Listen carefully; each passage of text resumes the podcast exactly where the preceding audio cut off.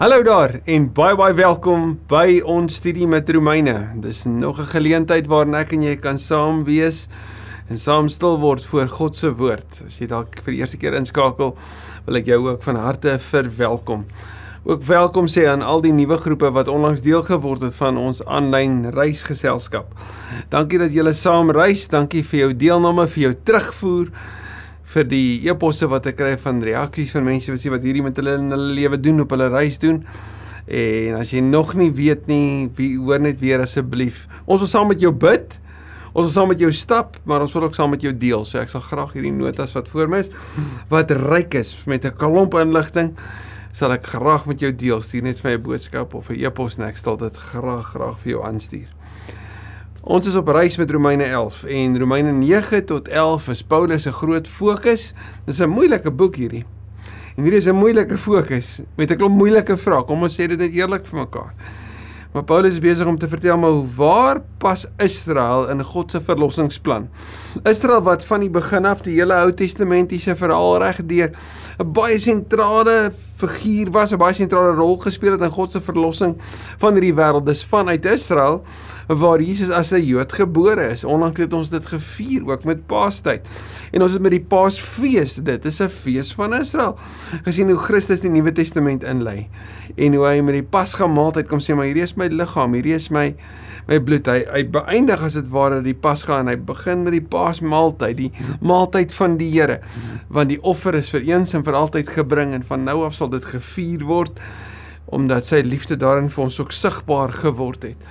So Paulus se vraag vir die waarskynlik groep Jode ook wat in deel is van die gemeente daar in Rome is maar waar pas Israel in? En ons het in hoofstuk 10 gesien dat een van die hoeke wat Paulus dit mee verduidelik is om te sê maar Israel se verharding Israel se weerstand?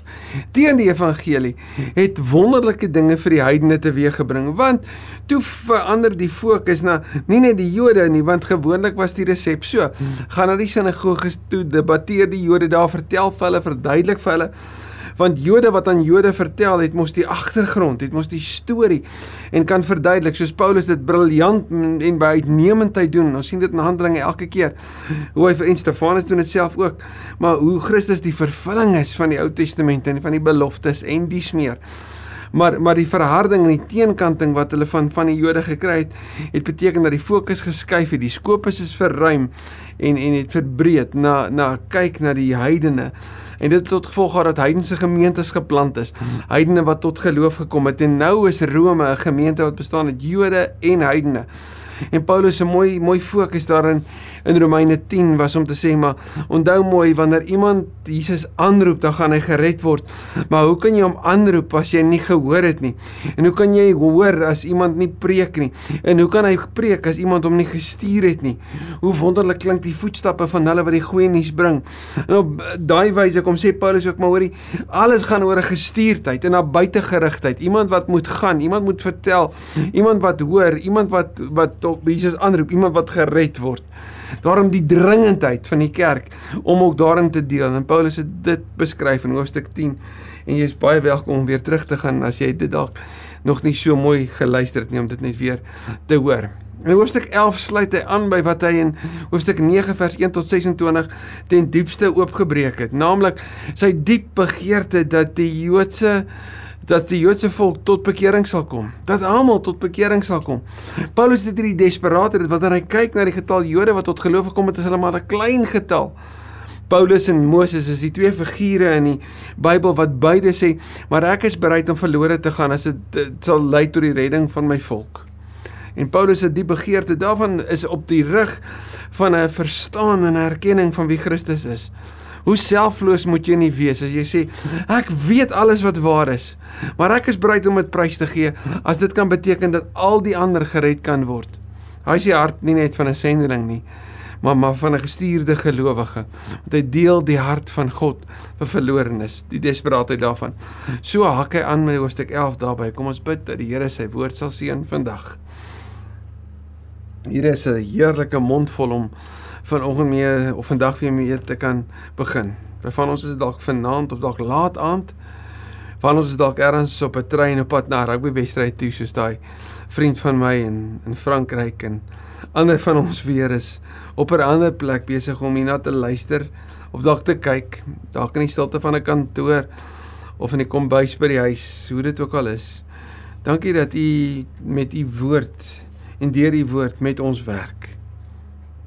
Dat u met die met u woord soveel meer in ons lewe teweegbring as wat ons kan bid of dink en daarom asseblief o lewende woord wees aan die woord vandag. Ons bid dit in Jesus se naam. Amen. Romeine 11 vers 1. Het God dan dan tog nie sy volk verstoot nie? Sou iemand kon vra. En weer eens in hierdie hierdie styl van uh, die diatribe styl van van vraag en antwoord die ons onthou ek herinner jou net weer die diatribe styl beteken ook die vroedvrou metode en die die gedagte daar agter is wanneer jy deur vraag en vraestelling en vraag en antwoord en vraag en antwoord iemand kan begelei tot 'n nuwe ontdekking, 'n nuwe waarheid. So Paulus as dit ware antisipeer. Iemand sou kon sê maar jy het nou net gesê die verharding van Israel het gelei tot die heidene in die goeie nuus wat wat hulle bereik en die heidene se bekering, se redding. So daarom sal Paulus sê maar goed, jy sê dit is goed vir hulle, maar wat van die? Beteken dit hulle wat hulle harte verhard het, het God sy hart vir hulle ook verhard? Nou as jy ooit ons Hosea Bybelstudie of Bybelskool bygewoon die studiestukke daarvan sou jy kon sien dat selfs daar in Hosea die Here gesê maar hoe kan ek jou verstoot Efraim? My liefde brand te sterk. Nou as dit die agtergrond is dan kan ons mos die antwoord antisipeer nou reeds wat Paulus na toe wys nie waar nie? En kyk hoe antwoord hy dit? Beslis nie. Soos ons soveel keer nou al gesien het hierdie beslis nie Engelse vertaling wat sou sê don't be silly nê ek is immer self ook 'n Israeliet en hierdie kan jy gaan gelees in detail in Filippense 3 Paulus sê ek is 'n afstammeling van Abraham Abraham die vader van die gelowiges van Romeine 4 uit die stam Benjamin God het sy volk wat lank tevore verkies het wat hy lank tevore verkies het en hierdie is aan by Romeine 8:29 nie verstoot nie. Gaan kyk weer Hosea 11 Psalm 94. Of weet julle nie wat die skrif sê van Elia nie? Hoe hy by God oor Israel gekla het? En jy sal kan onthou dat Elia na die groot oomblik daar um, op Karmel, nou hierdie kan jy gaan lees in 1 Konings 17 tot 19.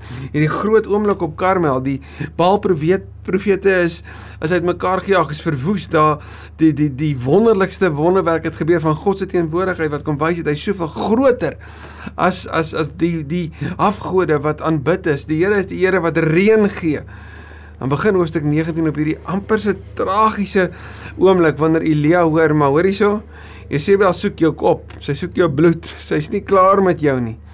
En dan gaan Elia in hierdie hierdie plek van van depressie en van teneergedrigtheid.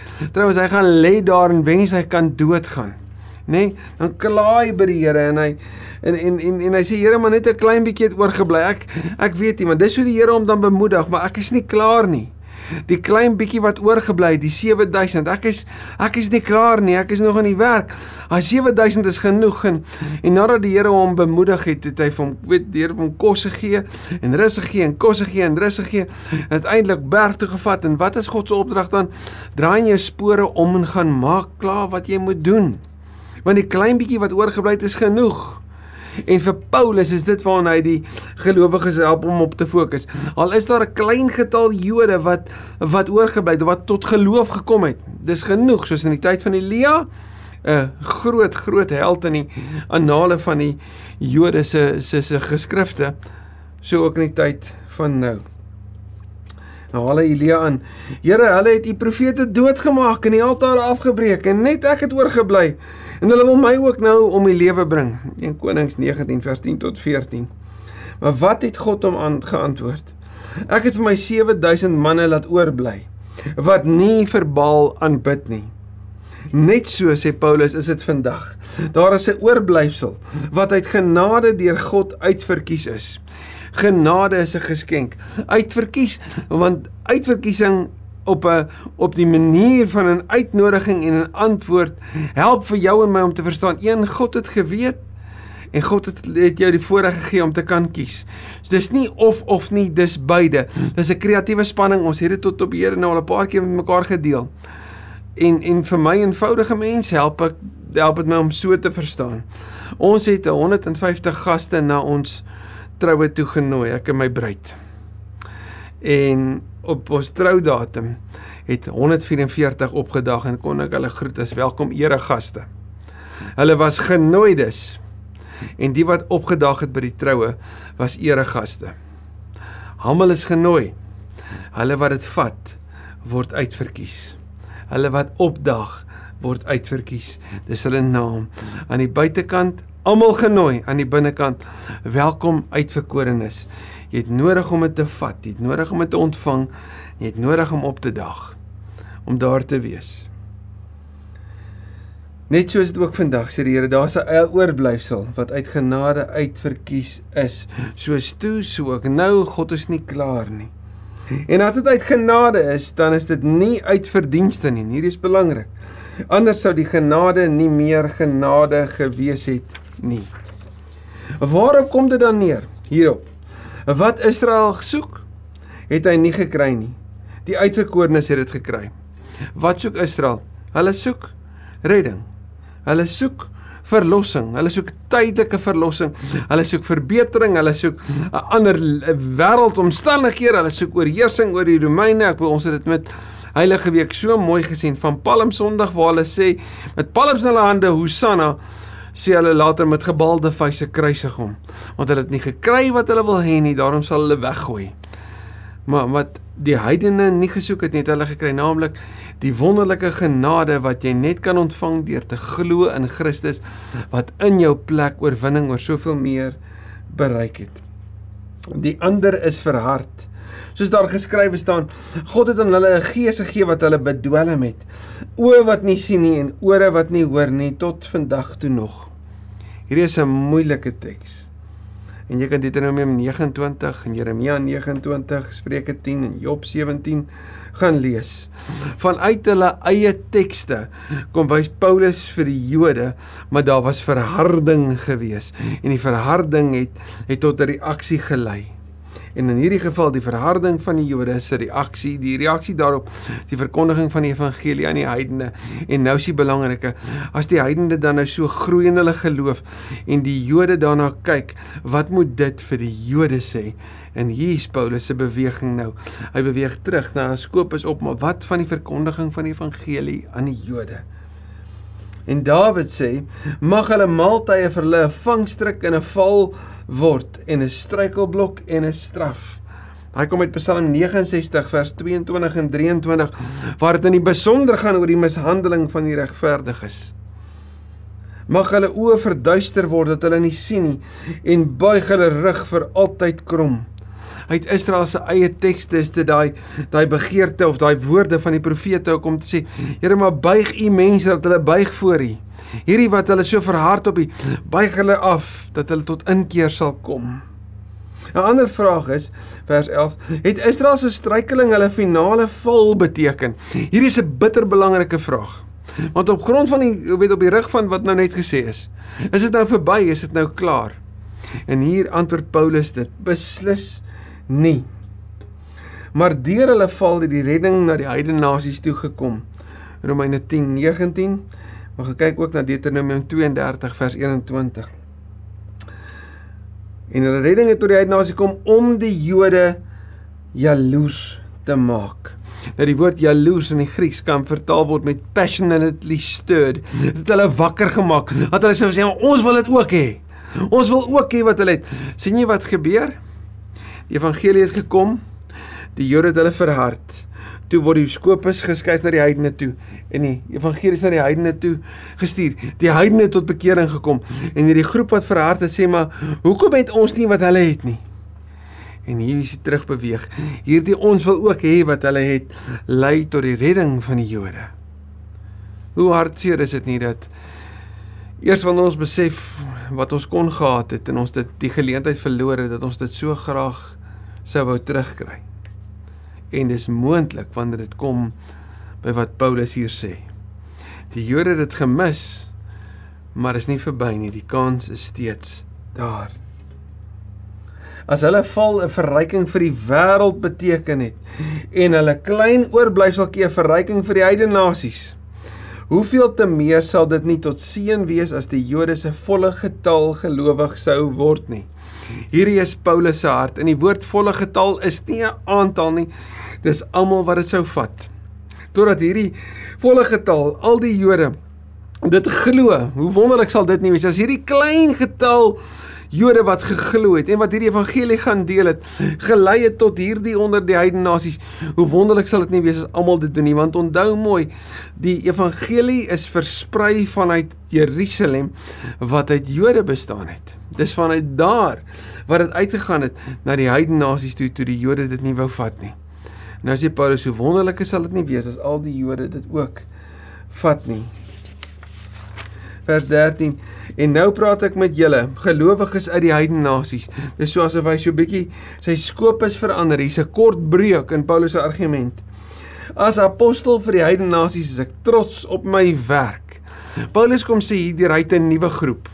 Hy was deel van die Joodse groep. Gaan kyk maar bietjie wat sê hy dit in Filippense 3 oor daai groep. Maar hierdie nuwe groep is die gelowiges waarvan hy nou deel is. Ek trots op my werk en ek streef daarna om op een of ander manier my eie mense jaloers te maak en sommige van hulle te red. Paulus sê deur die woord sommige dat hy besef dat nie almal gaan dit vat nie. En en hier is die hart van evangelisasie. Die feit dat ek en jy die evangelie gaan deel met ander beteken nie almal gaan dit vat nie. Maar dit maak nie dat ons dit nou moet stop nie. Om te sê maar sommige gaan dit nie vat nie, so hoekom probeer ek in elk geval? Paulus sê ek het 'n begeerte, 'n dringendheid dat almal gered sal word. En sommige gaan dit vat. Sommige gaan gaan probeer. Sommige gaan dit neem. Gaan kyk 'n bietjie Handelinge 17. Paulus in Athene en reaksie daarop. As hulle verwerping vir die wêreld verzoening beteken het, wat sal hulle aanneming dan nie beteken nie? En dis die groot vraag en dis Paulus se dringendheid oor hoekom hy ook by die Jode wil uitkom. Niks minder nie as lewe uit die dood. Romeine 1:16 Ek skaam my nie vir die evangelie nie, want dit is 'n krag tot redding uit doodsgevaar in die eerste plek vir die Jood, maar dan ook die nie-Jood. As die eerste stuk deeg aan God gewy is, nou hierdie kom uit die die die taal van Numeri 14 vers 21 en Numeri 15. As die eerste stuk deeg aan God gewy is, dan is ook die res van die deeg aan God gewy. En hier sou jy kon sê Paulus praat met die met die heidene, maar hy kom sê, maar onthou mooi, die die eerste punt was die Jode wat tot bekering gekom het, maar nou die heidene, so almal is deel hiervan. Dis die eerste vrugte wat dui op die res om te sê alles hierin is aan God gewy. As dit begin met toewyding aan God, dan is almal wat daaruit volg wat hierdie evangelie glo aan God gewy. En as die wortel van die boom aan God gewy is, dan is ook die takke aan hom gewy klein hoeveelheid, die wortel, die takke groot gevolg. As dit klein begin, kan daar 'n groot effek wees. 'n Klein hoeveelheid het oorgebly, 'n groot hoeveelheid is bereik. Klein hoeveelheid gelowiges, Joodse gelowiges op hierdie oomblik, 'n groot oes wat sal kan inkom. Die moontlikheid is daar en Paulus wil dit nie uit die weg ruim nie. Hy wil dit nie uit die oog verloor nie. Party van die takke is uitgekap. Nou sou mense kon vra maar watter takke praat jy nou van? Wel, die Jode het hulle self beskryf ook. Hulle het hulle self ook beskryf as 'n olyftak of 'n olyfboom met takke. Nou nou hier wanneer daar vertel word van die takke is afgekap, is natuurlik hulle wat nie geglo het nie. Gaan kyk bietjie na Romeine 11 ehm um, van hulle wat nie geglo het nie, vers 11 en 12. En en gaan kyk 'n bietjie na Jesus as die boer met die wingerd. Maar vergelyk ook Jeremia 11 vers 16 en Hosea 14 vers 6 waar ons sien Israel as olyfboom. Nou, is die belangrike, die sinagoge in Rome het hulle self ook as die olyfboom genoem. Daar sommige wat dit so ook beskryf. So wat kom sê Paulus? Wel, hierdie gemeente het 'n funksie om hierdie evangelie te vertel en dis vir almal. En die beeld van die olyftak moet vir die Jode sê maar onthou daar sommige wat afgekap was. Sommige wat wat nie geglo het nie, sommige wat nie in toewyding aan die Here geleef het nie. Maar dit moenie maak dat ons nie aanhou om te gaan bereik hulle wat nog deel is hiervan nie. En jy 'n wilde olyf is tussen die ander takke op die mak olyf ingeënt. Nou gewoonlik doen mense dit andersom. Nou hoor wat sê Paulus, daar was 'n olyf. 'n Olyftak. En van hierdie takke het afgekap. En wat is die beskrywing daarvan? Wel, die Jode was die olyfboom. En die Jode wat nie geglo het nie, is afgekap. hulle wat hulle kans gehad het. En nou word daar 'n wilde tak op die makolyf ingeënt. Hoekom? Want die wilde tak, die wilde olyf word deel van hierdie verhaal van God se reddingsplan. God se reddingsplan wat 'n basis het van die Ou Testament, wat vervul word in die Nuwe Testament, wat gedeel word na die wêreld toe. Daar word die wilde olyf op die makolyf ingeënt. Nou van die kommentaare reken maar dis Paulus kom vertel jy's hierdeur iets wat gewoonlik andersom gebeur het. Gewoonlik sou jy 'n makolyf op 'n wilde olyf gaan inent het om sodoende die die die wilde olyf te versterk. Hy gebruik nou juist die teendeel om te kom sê maar daar's 'n basis en die ander word hierop ingeënt. So het jy deel gekry aan die lewensap van die makolyf se wortels. En wat is die wortels? Wel die basis is ons het 'n storie. Ons het skrifte, geskrifte.